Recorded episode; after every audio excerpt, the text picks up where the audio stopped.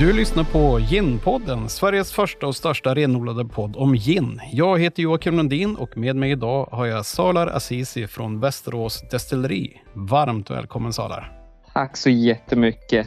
Hur är läget? Jo du, det är bara bra. Solen skiner här i Västerås. Onsdag, lill-lördag, så man, man kan in, inget annat än att må bra. Vad härligt. Men du, vem är du Salar? Varför, varför gör du den här grejen med Västerås Destilleri? Jag heter Salar och som du sa, jag är tillsammans med Emelie och vi två är två personer som egentligen kommer från restaurangbranschen. Jag som före detta bartender och Emelie som före detta kock och framförallt dessertkock kände att det var dags för oss att göra någonting eget. Så när vi startade så var ju pandemin fortfarande en sak i världen och mitt under pandemin, november 2020, hade vi även en brand hemma. Så fick vi flytta ut i en lånelägenhet och tänkte, ja, men vad är det värsta som kan hända nu? Vi har, haft, vi har varit med om en brand, vi har varit med om en pandemi. Eh, så vi tänkte, är det någon gång som man ska satsa på ett eget företag så är det väl nu. Jag tror det är jättemånga som tänker exakt likadant. Ja, precis. Så, speciellt efter den där branden som vi hade haft hemma som startades av vår kära hund Luna som bet i ett datorbatteri. Så vi tänkte vi har lyckats bocka av det omöjliga på några fronter. Ja, jag tänker att hon har inte fått en egen laptop nu i alla fall, hunden, eller hur? Nej, mm. ingen än. Nej. Det var ganska kul att försöka förklara för brandmännen att jag lovar, vi har inte tränat henne till det här. Nej, den var lite annorlunda. Så här, du får skaffa datorer med fläktar som låter mindre så de inte blir förbannade. Så här. Precis. Nej, så på den vägen är det. Vi kollade runt efter olika alternativ på företag. Just med tanke på våra bakgrunder så kollade vi om det var intressant att starta någon form av restaurang eller en bar. Men som sagt, i och med pandemin så kändes inte det det bästa alternativet. Så, och jag hade länge tjatat om att det skulle vara kul att starta ett destilleri. Så en kväll i den lånelägenheten så sa Emil, bara, men ska vi inte starta destilleri då? På den vägen är det. Den här drömmen då, som du hade om att starta ett destilleri, var, vart kom den ifrån och varför ville du göra det? Det kommer egentligen ifrån som en före detta bartender och kunna jobba med sina egna drycker och smaksätta sina egna drycker. För jag har ju under åren jobbat med en hel del olika produkter och alltid känt att det finns en liten grej som jag skulle vilja få in i smakerna. Och oavsett hur mycket man jobbade för det så blev det aldrig rätt när man jobbade i baren. Men till slut när vi förstod att det är fullt möjligt att starta ett destilleri i Sverige och framförallt i Västerås så tyckte vi att det här är ju det bästa alternativet vi har för att göra det som vi faktiskt själva brinner för, vilket är smaker. Hade ni några förlagor? Så här, eh, var det, hade ni någon idol eller någon ni såg upp till här på den svenska eller internationella marknaden när ni skulle starta ett destilleri? Vad, vad hade ni för influenser in? Jo, herregud, vi, eh, vi har kollat på nästan alla svenska destillerier och älskat alla produkter ifrån den svenska marknaden i stort sett och alla destillerier som har gjort ett helt fantastiskt jobb, de som kom innan oss har gjort ett helt fantastiskt jobb med att lyfta fram gin som dryck men också destilleribranschen att lyfta fram den till de marker som den är på idag. Mm. Och där har vi kollat mycket på bland annat Stockholms bränneri som jag har umgåtts hos en hel del. Eh, vi har älskat Härnös produkter, Lydén. Så det finns en hel del fantastiska företagare och företag i Sverige på hela den fronten faktiskt. Kul att höra.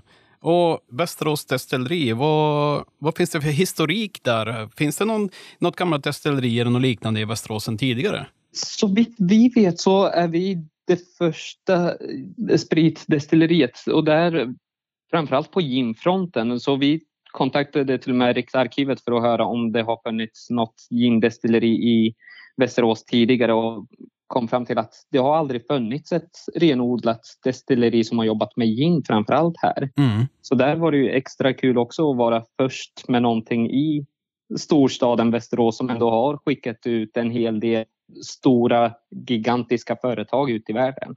Ge gärna några exempel så lyssnarna får höra. Ett exempel är ju till exempel ABB, H&M, som grundades här i Västerås.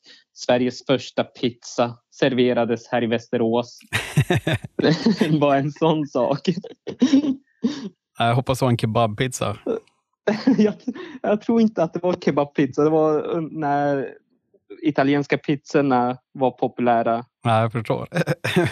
Men det är bra. Man, man ska vara känd för många olika saker. Men AB, ABB och H&M är ju rätt eh, välkända kan man ju säga. Oh ja. Och nu Västerås Destilleri. Ja. Vad, alltså när, när ni liksom eh, tog fram namnet och ni tog fram logotyp och ja, formade varumärket. Kan du berätta lite grann hur, hur ni tänkte då? Ja, när vi tog fram namnet var vi inne på en hel del olika alternativ. Eh, till exempel det gamla namnet på Västerås var ju Arosia. Så där ett tag var vi inne på om vi skulle döpa destilleriet till Arosia eller om vi skulle ha den, den gamla stavningen på Västerås med W. Men ganska snabbt kom vi fram till att vi är fortfarande ett nutida destilleri och kom fram till att det namnet som passar bäst är egentligen att ha med kommunens namn där vi befinner oss. Ja. Och själva designen på loggan tog vi fram i samarbete med en tjej som heter Jenny som jobbar på, som driver företaget The Brand Studio. Hon har gjort ett helt fantastiskt jobb där hon tog Västeråsrosen, den Ave Maria-rosen och gjorde om den så att den får vara med i våran logga. Men är det Jenny som tar fram allting, även formger flaskorna och så också? Eller? Där är Emily med och bestämmer designen på flaskorna. Så hon och Jenny är de två som går igenom allting tillsammans. Jag är ju helt designblind. Så jag, mig, håller, mig håller de långt bort ifrån det. Så det enda jag får veta det är att så här ska designen på en viss produkt se ut. Ja. Då är det bara att acceptera och förstå att de är bättre på det än vad jag är.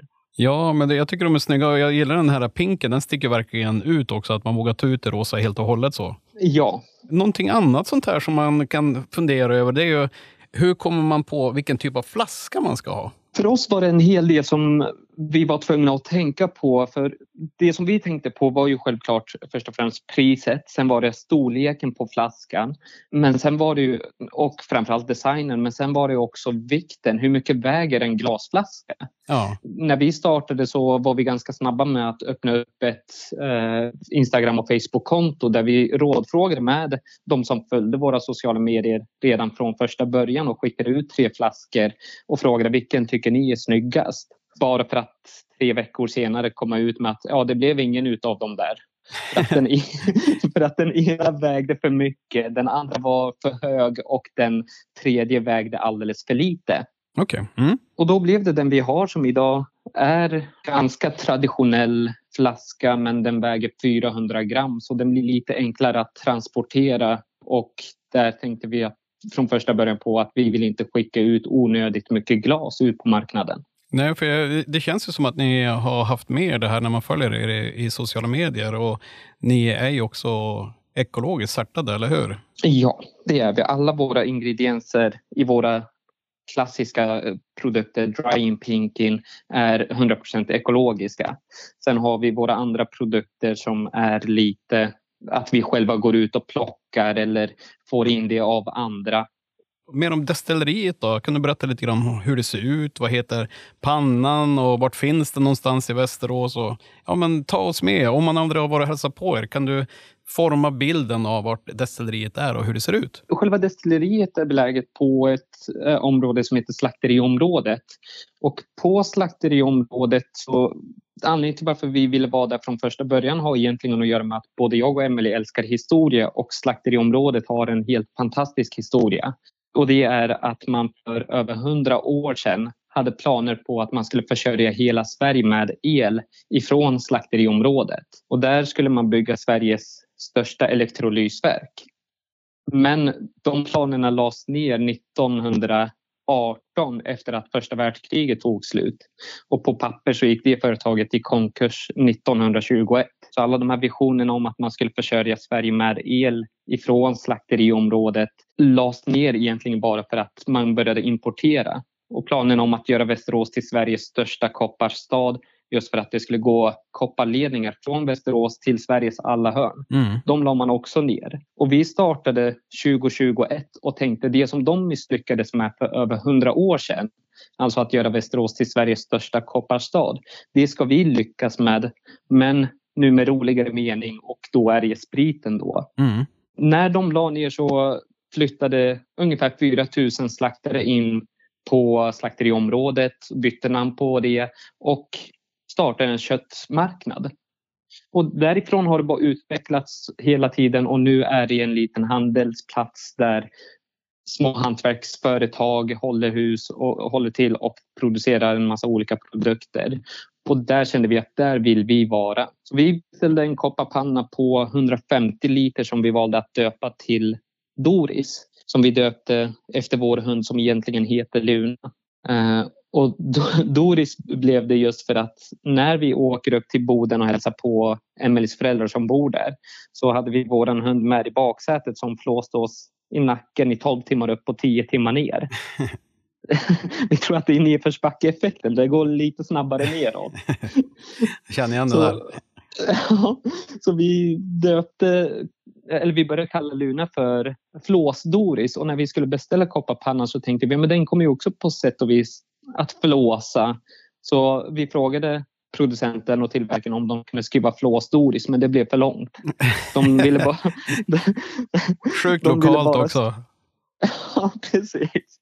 Så de ville skriva egentligen eh, bara flås och där fick vi hoppa in och säga nej, vi, vi skriver Doris bara. Hon får heta Doris. Kul! Så vi har en liten lokal på strax under 200 kvadratmeter där vi destillerar och buteljerar och har kul och har provningar hela dagarna. Och Hur ser det ut med provning och sånt där? Vi kommer att prata med, lite mer om det framåt här, men hur gör man? Tar man bara och bokar på webben och så kommer man till er och så finns det möjligheter, eller berätta? På enklaste sättet för att komma på en provning är egentligen att boka genom vår hemsida där vi har att man kan gå in och köpa en biljett. Eh, så där fyller man bara i sitt namn och får en biljett utskickad till sig på mejlen och då är det bara att dyka upp och vi kör provningar alla lördagar. Nu under sommaren kommer vi köra oftare. Det kommer bli ungefär tre dagar i veckan. Snyggt, vad roligt. Varför blev det just gin? Du har ju din erfarenhet som bartender, men Emily hon också gillar gin, eller varför landade ni i just det? För mig personligen är det ju en liten förkärlek för gin för att det är så pass enkelt att jobba med och det finns så extremt mycket att göra med gin också. Och när det gäller för Emily så till exempel nu när vi senast var uppe i Boden så hittade hon ett gammalt skolarbete där hon hade skrivit om gin för över tio år sedan. Oj, sjukt! så det har ju, gin har ju ändå på något sätt varit någonting som vi båda har varit kring mer än vad vi själva trodde. Och nu här för något år sedan åkte vi till Irland och besökte ett whiskydestilleri. Och där efter visningen så skulle vi få, en, få smaka lite på olika whiskysorter och Emily sa rakt ut, nej men jag gillar inte whisky. Nej, vad gillar du då? Nej, men jag gillar gin. Och det här var några år innan vi startade själva destilleriet också då. Ja. Vilken gin föredrar du? Vad gillar du för någonting? Är det svenskt eller internationellt? Och vad är det du gillar och uppskattar med smaksättning, botanical och så? För mig är det mest svenska produkter som jag har kretsat kring just för att här i Sverige är vi väldigt duktiga på att göra ginsorter som är mer smakrika och går på något sätt ändå lite grann ifrån det som är väldigt traditionellt. Så för oss har det, för mig personligen har det varit svenska produkter som jag har kretsat kring. Men sen finns det absolut bra producenter, små hantverkstillverkare runt om i världen också. Finns det någon internationell sådär som, eh, när du jobbar som bartender, som du gärna använder utav när du skapar dina verk? Två exempel. Det ena exemplet är Plymouth. Eh, helt fantastiska att jobba med och speciellt deras Navy Strength har jag personligen tyckt är väldigt trevlig att jobba med. Sen är det också en som heter Brooklyn Gin. Brooklyn Gin har lite mer citrustoner också och är lite av en klassisk gin men ändå väldigt fräsch och frisk i smaken. Roligt att höra. Och när du jobbade som bartender, fanns det någon eh, cocktail som du föredrog att göra framför någon annan? En cocktail som jag alltid har älskat att göra är egentligen en Negroni. Just för att det är en väldigt enkel drink med tanke på att det är så få komponenter men det är också väldigt enkel drink att misslyckas med beroende på vad för ingredienser man har i och hur mycket man har. Så för mig har det alltid varit en Negroni som har varit favoritdrinken att göra men också även att kunna leka med smakerna och försöka göra olika varianter på Negroni. Vad har du för eget så här, favoritratio när du ska göra en Negroni? Då? För mig är det alltid lika delar gin, Campari och vermouth en stor isbit och då, då är man hemma med en liten apelsinzest. Ja, alltså jag har försökt så mycket. Eh, och det här med att hitta det gyllene ratiot. Jag tycker det är svårt. Ja. Jag har provat att köpa färdigblandad Negroni. Jag har, har beställt otroliga mängder Negroni. Och jag tycker att det är svårt att hitta själv hemma samma som jag lyckas eh, ibland beställa ute när jag är på krogen. Så ja, ni kan ju bara skicka in fler tips till mig så att jag blir bättre på att göra Negroni, ni som lyssnar på det här skicka alla drinkar ni kan komma på till Jocke. ja, det är bättre att få bjuda på mig i sommar. Så. Nej. Ja, eh, men om vi går in på era gin då, först och främst. Så, då, då, där har jag faktiskt en fråga från Jonas Lindgren. Och det är så här, hur har ni tänkt för att sticka ut i en så tuff marknad som gin faktiskt är?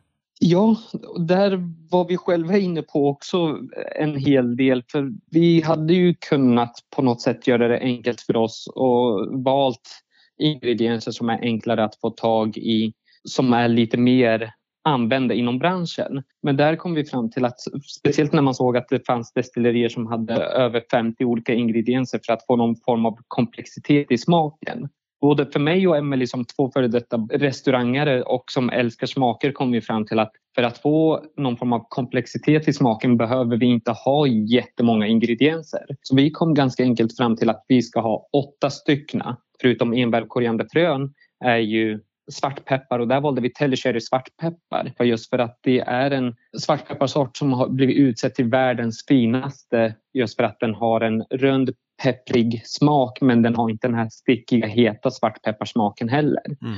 Och så valde vi fläderblom. Vi har en blomma som heter rosa damascena som är en korsning på två olika nyponosbuskar. Vi använder färsk citronskal. Så dagen innan vi ska destillera brukar vi stanna förbi på närmsta ICA-butiken köpa på oss de ekologiska citronerna som vi tycker är finast, ta med tillbaka till destilleriet, skalar och slänger in skalet. Och sen har vi ett bär som vi importerar från Iran som heter berberis. Ja, precis. Vad är berberis? Du berättade för ja. jag, jag kommer ihåg att vi pratade om det här när vi sågs i somras i Dyltabruk där, men berätta lite grann om berberis. Man kan säga är ett släkte till gojibär. Men berberisen kommer från Iran. Och där i Iran växer de i 40 graders värme. Växer sig stora som vindruvor, torkas, blir stora som russin. Och det är ett av de bären vi har i världen som innehåller absolut mest fruktos, eh, syra och antioxidanter. Och det här bäret kan man säga påminner om en korsning mellan lingon och tranbär. Men om man jämför berberis med svenska lingon så innehåller svenska lingon till exempel 8 gram socker per 100 gram bär. Berberisen innehåller 43 gram socker per 100 gram bär. Så det är verkligen ett, ett superbär som vi tycker borde få mer uppmärksamhet än vad den har fått. Och det är många i Sverige som har sett en berberisbuske med tanke på att det finns här också. De flesta har det som häck runt huset. Mm. Det är den här taggiga busken. De botaniker som jag kollar på nu, det är de som ingår i Västerås Dryen, eller hur? Och även Pinkin. Ja, men Pinkin har lite, lite fler sand va? Ja, Pinkin ja. valde vi att tillsätta granatäppelkärnor i. Ja, så det enda som skiljer egentligen det är granatäpplekärnor mellan era två produkter eller? Ja, och att vi har justerat lite grann i receptet. För just ja, för att Pinkin ville vi ha, skulle ha lite mer kraft och pondus.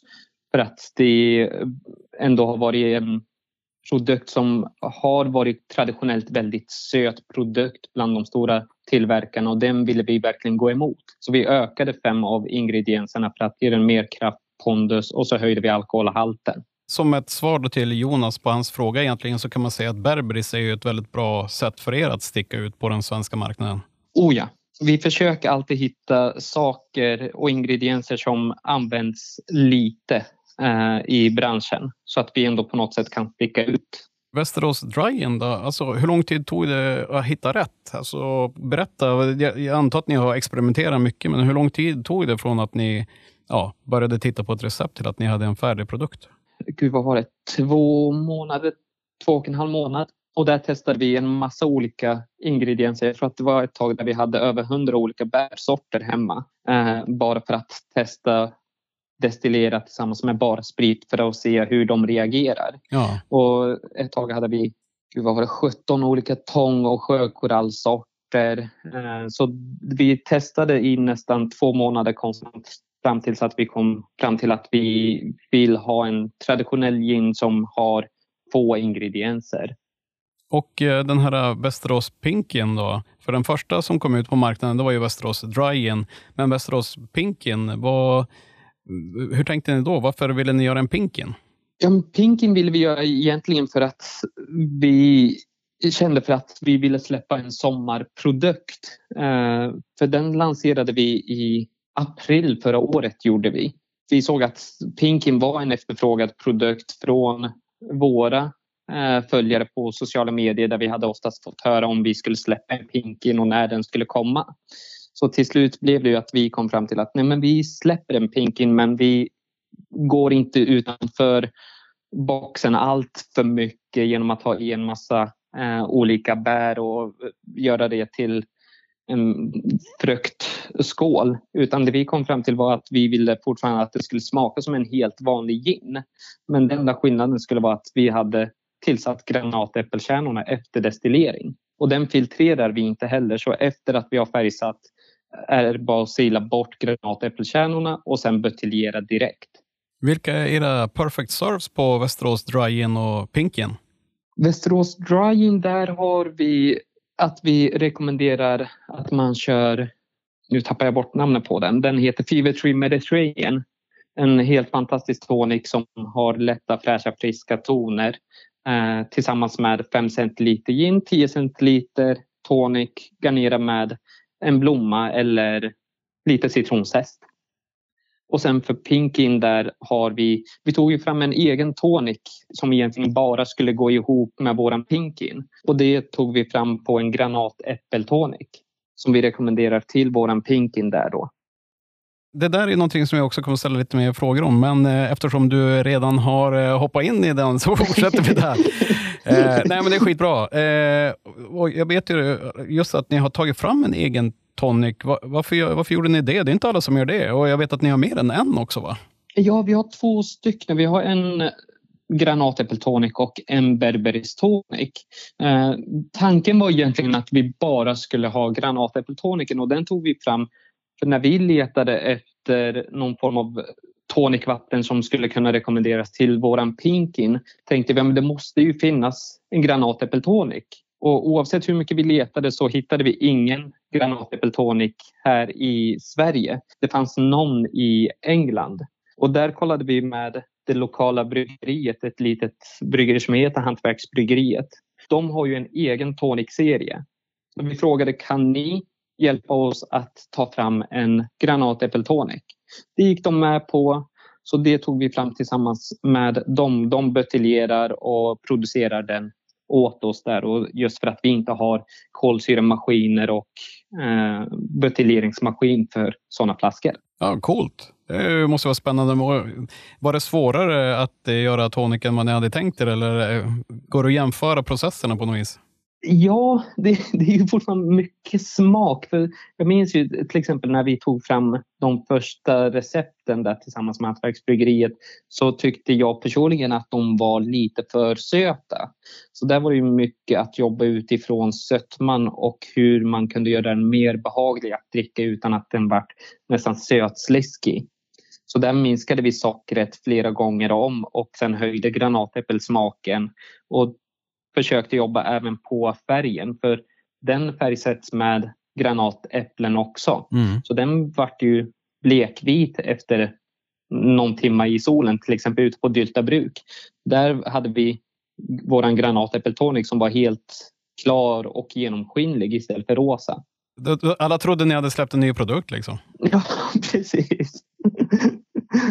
Och sen vet jag ju också att ni har släppt ett gäng limiterade också. Kan du berätta om era limiterade produkter och vilka som ni har kommit med ut hittills? Ja, vi har ju våran lilla Double Distilled-serie som vi har valt att döpa den till. Där har vi sagt att vi kommer försöka släppa den så ofta vi kan. Uh, hittills har det varit två gånger per år och den har vi släppt tre sorter av. Uh, och Double Distilled är en serie som nu hittills som sagt har varit två gånger per år men den har kommit med ny smak och ny design vid varje släpp. Den absolut första vi lanserade lanserade vi tillsammans med våran dry-in i december 2021 och den smaksatte vi med bland annat eh, granskott, eh, stjärnanis, kryddnejlika, rosmarin och apelsin. Och den som kom efter under sommaren 2022 den smaksatte vi med tre sorters röda äpplen, röda krusbär, åkerbär och lime. Och nu den senaste där det var Double Distill nummer tre som var med Satsumas, vanilj och tonkaböna. Och hela den serien utgår ifrån att vi först destillerar våran dry-in, eh, späder ut till 40 procent, låter den vila i två veckor och sen häller vi allting i kopparpannan och destillerar den en gång till med de nya smakerna. Så för oss var det egentligen för att på något sätt ändå gå emot det här med att man räknar kolonner som separata destilleringar och hela den mm. biten. För oss var det att vi kör en riktig dubbeldestillerad gin från grunden. Och rent prismässigt så är de väldigt låga i pris men det är en rolig produkt för oss att göra där vi kan vara väldigt kreativa två till tre gånger per år och försöka komma, på med, komma upp med någonting nytt. Hur har de tagits emot hittills då av eh, gin-communityt och marknaden? De har tagits emot fantastiskt bra faktiskt och det, framförallt de, när de utgår och säljer slut så får vi jättemånga arga mejl för att de inte längre finns att få tag i. Så där, där har vi funderat på, där var det ju till exempel nu har vi en väntelista nästan på mejlen där det är folk som har skrivit att om vi någonsin släpper den första Double Distilled igen så vill de, att, så vill de beställa genom privat import. Men den kommer ju aldrig komma tillbaka heller. Så vi får se hur mycket, hur många personer som blir arga på oss innan, innan vi hinner släppa en ny. Är det någonting som ni skulle kunna ta fram som är bara lokalt och se om man kommer och testar? Det, det, skulle vi kunna göra men där har vi sagt att vi inte kommer göra det. Eh, för den första släppte vi 800 flaskor av och om jag inte minns fel så sålde de slut under eh, lanseringsmånaden. Och det är många som har nu sparat på några flaskor för att ja. om de någon gång skulle bli värdefulla. Ja, snyggt. Ja, men det är precis så där man vill höra. Det finns så många mega, mega gin-konnässörer och gin-nördar där ute. Jag bara älskar det. precis. Och speciellt när vi som nystartade fick höra att någon hade köpt tio flaskor för att de kan bli värdefulla. Det var lite overkligt. det var som att köpa aktier i H&M eller ABB. precis. Jag är också lite nyfiken på att höra lite grann om de här samarbetena som inte har kommit ut på Systembolaget eller finns där, utan när ni har samarbetat med restauranger och så. Eh, berätta ja. gärna om dem. Jag tror ni har två stycken samarbeten utöver det ni har släppt på Systembolaget, eller har jag fel? Nej, det stämmer. Vi eh, tog fram en ginsort till Färna herrgård på, där vi hade destillerat i stort sett, det var, i grunden var det samma ingredienser som det var i våran dry men vi la även till ingredienser och botanicals från Färna odlingar. Där det till exempel var eh, gröna svarta vinbär, svarta vinbärsblad, eh, gröna enbär, saker som de hade ifrån sina odlingar. Mm. Den fanns bara hos Färna fram tills för någon månad sedan där vi, återigen vi hade väldigt många arga mejl av folk som ville få tag i några flaskor. Så vi tog fram 30 stycken och släppte dem i privat import som såldes helt och hållet slut där också. Jaha, vad kul. Och sen, mm. Ja, faktiskt. Och, och sen har vi gjort en variant tillsammans med en bar som heter Cirkus här i Västerås. Och där körde vi etiketten med cirkustema Eh, och lite cirkusdesign. Vi gjorde en Old Tom på 43 procent. Jag är lite sugen på den. Kan du berätta lite vad det är för botaniker i sidan? Jag, jag, har ju, jag vet att jag har skrivit om det här tidigare, men ja, berätta gärna. Ja, jag ska se om jag minns dem rätt. Det var, för den körde vi samma ingredienser som sagt återigen som det var i våran dry-in. Men där valde vi att lägga till bland annat en ingrediens som är ormbunksrötter Eh, även kallat för stensöta. Stensöta har väldigt söt smak och går väldigt mycket åt salmiakollet. Brukar kallas för fattigmanslakrits. Jaha, okej. Okay. Mm. Så den brukade folk förr i tiden springa ut i skogen, plocka på sig och äta som godis. Sen la vi till tonkaböna, vanilj. Vi ökade enbären, Eh, och så var det själva sockret där då som vi tillsatte 20 gram socker per liter. Ja, jag vet inte om ni har sett den. Jag kanske lägger ut den bara, bara för kul. Där, men jag tycker den är jäkligt snygg. Den, den sticker verkligen ut. Såhär, Old Tom Premium Gin. Ja, roligt. Och den vet jag, mm. ni skrev också att det var Jenny på The Brand Studio som hade gjort den också. Precis. Vilken är din personliga favorit av de gin som ni har tagit fram hittills? Har, ni, har du och Emily olika favoriter? Ja, det har vi. Emily älskar Pinkin just för granatäppelkärnorna som ger den här ja, men friska bäriga smaken men också en lätt, lätt strävhet som får från granatäpplen. Och för mig personligen så är det dry gin. För mig kommer dry gin på något sätt ändå vara det bästa vi har gjort med tanke på att det var det första vi gjorde men också för att det är utifrån dry-in som alla våra andra produkter utvecklas. Mm. Alla våra double distilled, våran pinkin, eh, alla de här limiterade eller de här specialsläppen som vi har gjort med restaurangerna. Alla de produkterna bygger på våran dry gin. Så för mig personligen är det den som alltid kommer vara högst upp där på toppen. Den första bebisen. Ja. Det är jättekul att höra och jag tänker också att när man har någonting som man använder så mycket som ni gör så lär man ju känna sin egen produkt på ett helt annat sätt i olika sammanhang och när ni använder den då som bas i så många olika skapelser. Ja, gud ja. Det, där ser man ju extremt många möjligheter för hur man kan utgå ifrån den produkten till att skapa en, någonting helt nytt. Men eh, ja, allt har ju inte riktigt varit en framgångssaga heller. För jag tänkte ett tag så var det faktiskt så att ni till och med övervägde att flytta destilleriet och ni fick ju lite frågor om det här när jag skrev sociala medier om huruvida ni skulle, ja, men huruvida ni skulle finnas kvar eller inte helt enkelt. Kan du berätta lite grann om vad som hände där? Det var ju vår kära festivalgeneral från Dyltabruk som, som ställde den här frågan.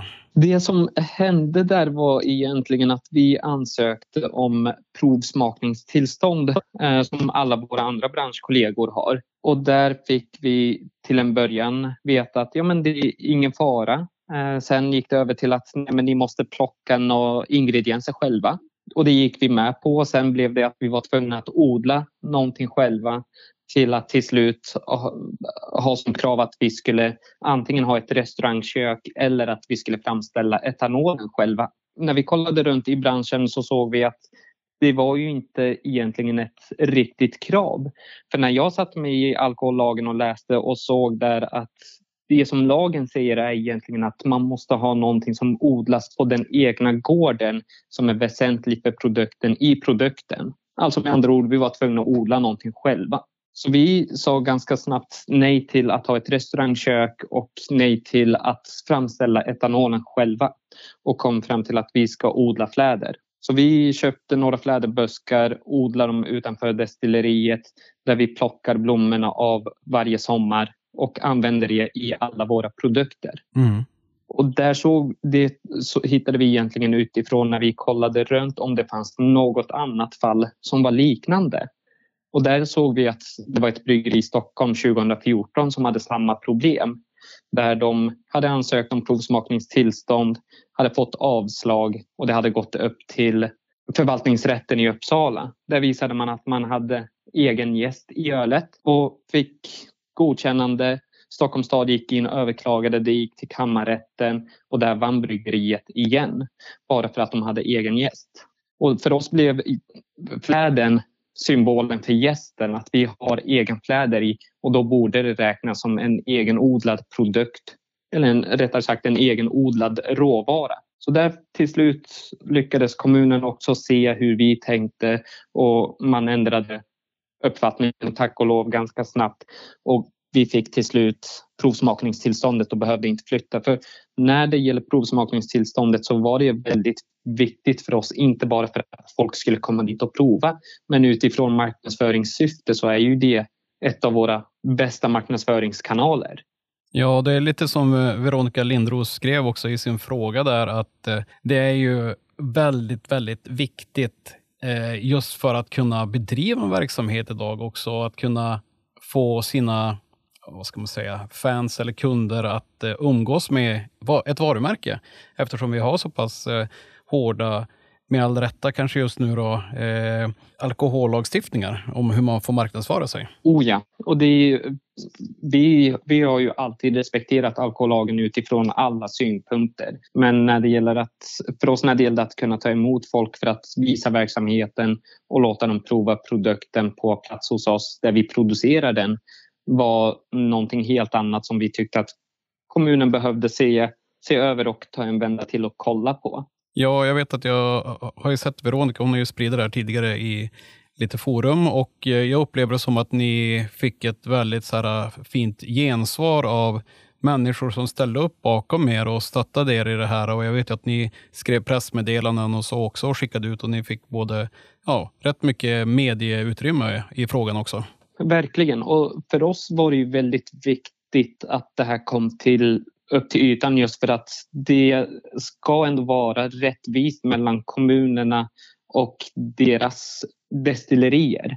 Att vi har destillerier i vissa kommuner som får provsmakningstillstånd utan några krav till att ha, ha destillerier som inte får provsmakningstillstånd med alla de här kraven.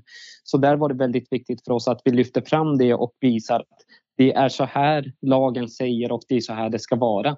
För vi vet att det fanns andra destillerier som hade samma problem som vi hade. Men vi valde att ta den här lilla kampen och striden och få upp den till ytan för att visa man behöver inte ha ett restaurangkök, man behöver inte investera i ett bryggeri för att kunna jäsa och mäska och sen kunna destillera ett, den här 96-procentiga etanolen själva. Och sen så blev ni nominerad till Årets nystartare 2022. Vilken revansch! ja, precis. Och det var helt fantastiskt kul just att vi som ett litet destilleriföretag och alkohol, inom alkoholbranschen lyfts fram som det nystartade företaget. Det var fantastiskt kul. Ni är väl nominerade nu och sen så det är väl bara typ några veckor bort innan det avgörs om ni vinner eller inte? Ja, precis. den 16 mars får vi, ska vi på galan och så får vi veta hur, hur det gick för oss. Eh, folkets röst avslutades här. Mm. Så nu är det egentligen bara upp till juryn. Men vi, oavsett om vi vinner eller inte så är vi väldigt glada att vi har blivit nominerade. Det är ett steg i rätt riktning i Västerås. Ja, det förstår jag. Kul. Eh, I övrigt då, om det är så att någon om lyssnare är sugen på att eh, starta ett destilleri, vad skulle du vilja skicka med till någon som går i de här tankarna? Är det värt det? I längden, till en början kommer det vara extremt mycket eh, arbete kring hur man startar upp och alla tillstånd och hela den biten. Det är absolut, man ska alltid är man sugen på att starta ett företag så tycker jag att, man alltid ska göra det. Men man får också vara beredd på att i speciellt destilleribranschen är det extremt stora krav både från lagbokens sida men också även från en massa andra håll också där man måste förhålla sig till.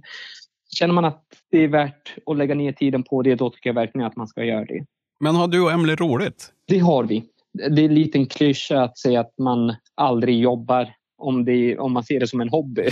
Men för, för oss har det varit fantastiskt kul att kunna få ta fram alla de här nya smakerna, att kunna till exempel i alla fall för Emelies eh, del att kunna vara med och designa etiketterna och skicka ut en produkt och höra från folk om att de tycker att våra produkter är väldigt goda. Hela den aspekten gör ju bara att man vill fortsätta hela tiden. Vad är målet med destilleriet? Vad, vad, vad ser ni där borta i horisonten? Vad har ni för drömmar? Målet är väl egentligen just nu att man ska kunna leva på det här också. Emelie har ju fortfarande ett dagtidsjobb på sidan av och jag kör med destilleriet på heltid. Mm. Och nu för oss vann vi ju även en offert här på Systembolaget så vi kommer ju ha att göra väldigt mycket här under sommaren. Där vi från och med första juni kommer skicka ut en produkt till 172 butiker. Det är skithäftigt.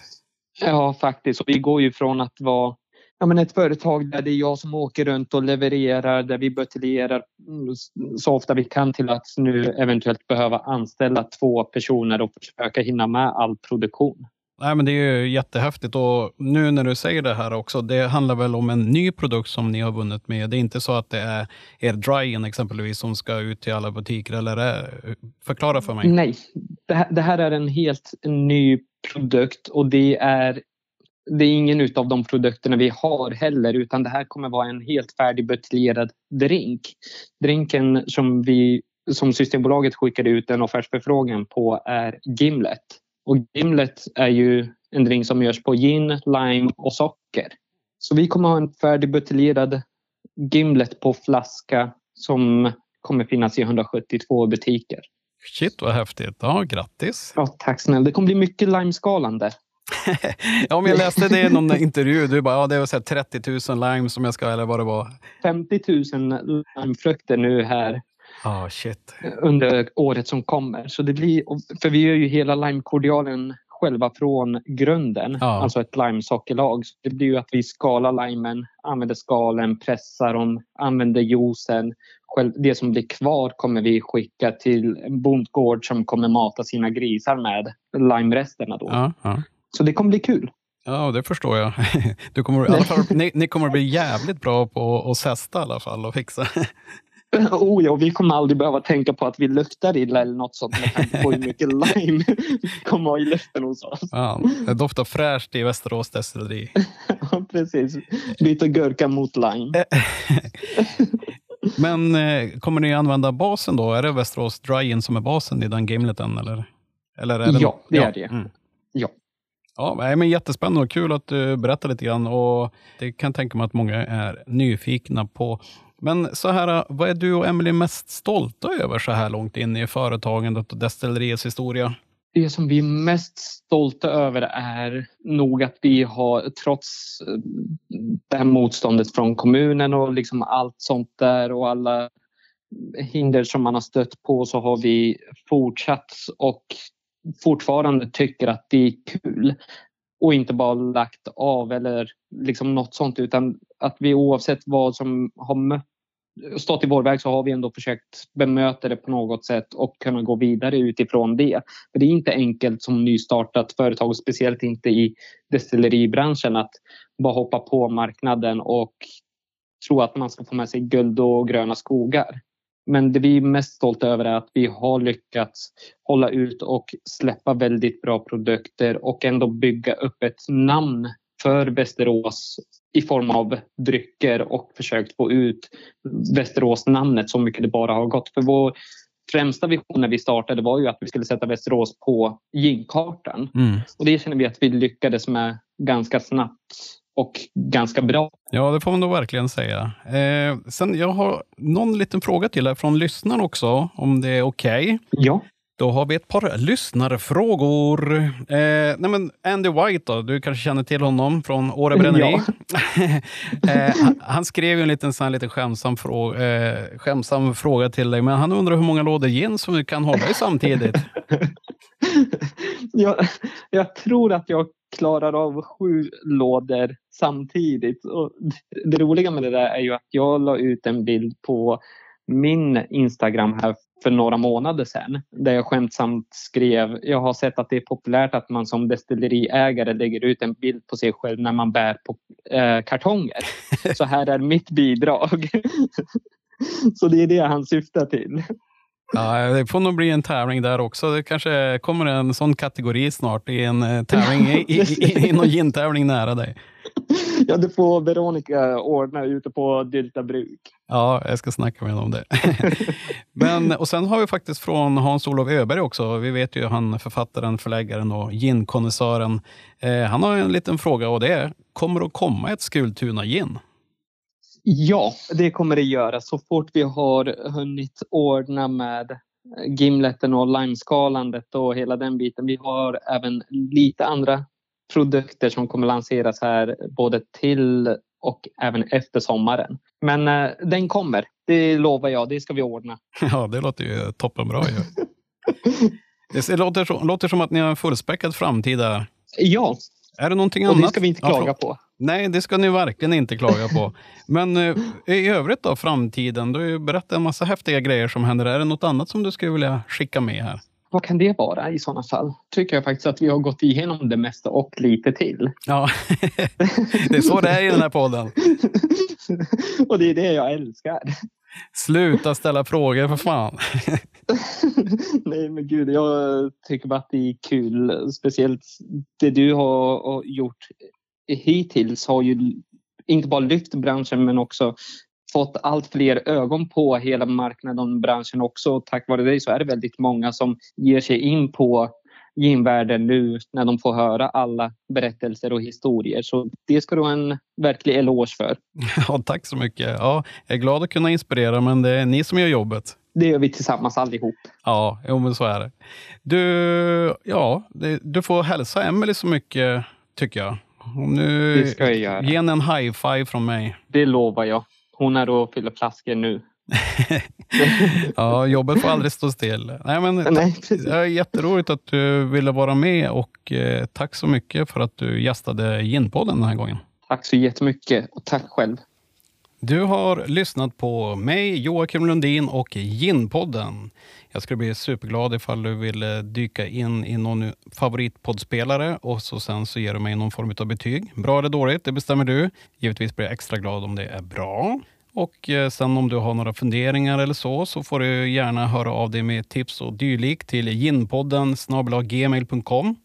Och om det är så att du vill ha något samarbete eller vill höra av dig med synpunkter och så vidare, så dra ett mejl till ginpodden gmail.com. Sen får du givetvis följa mig i sociala medier också. Tack för idag. Hej hej!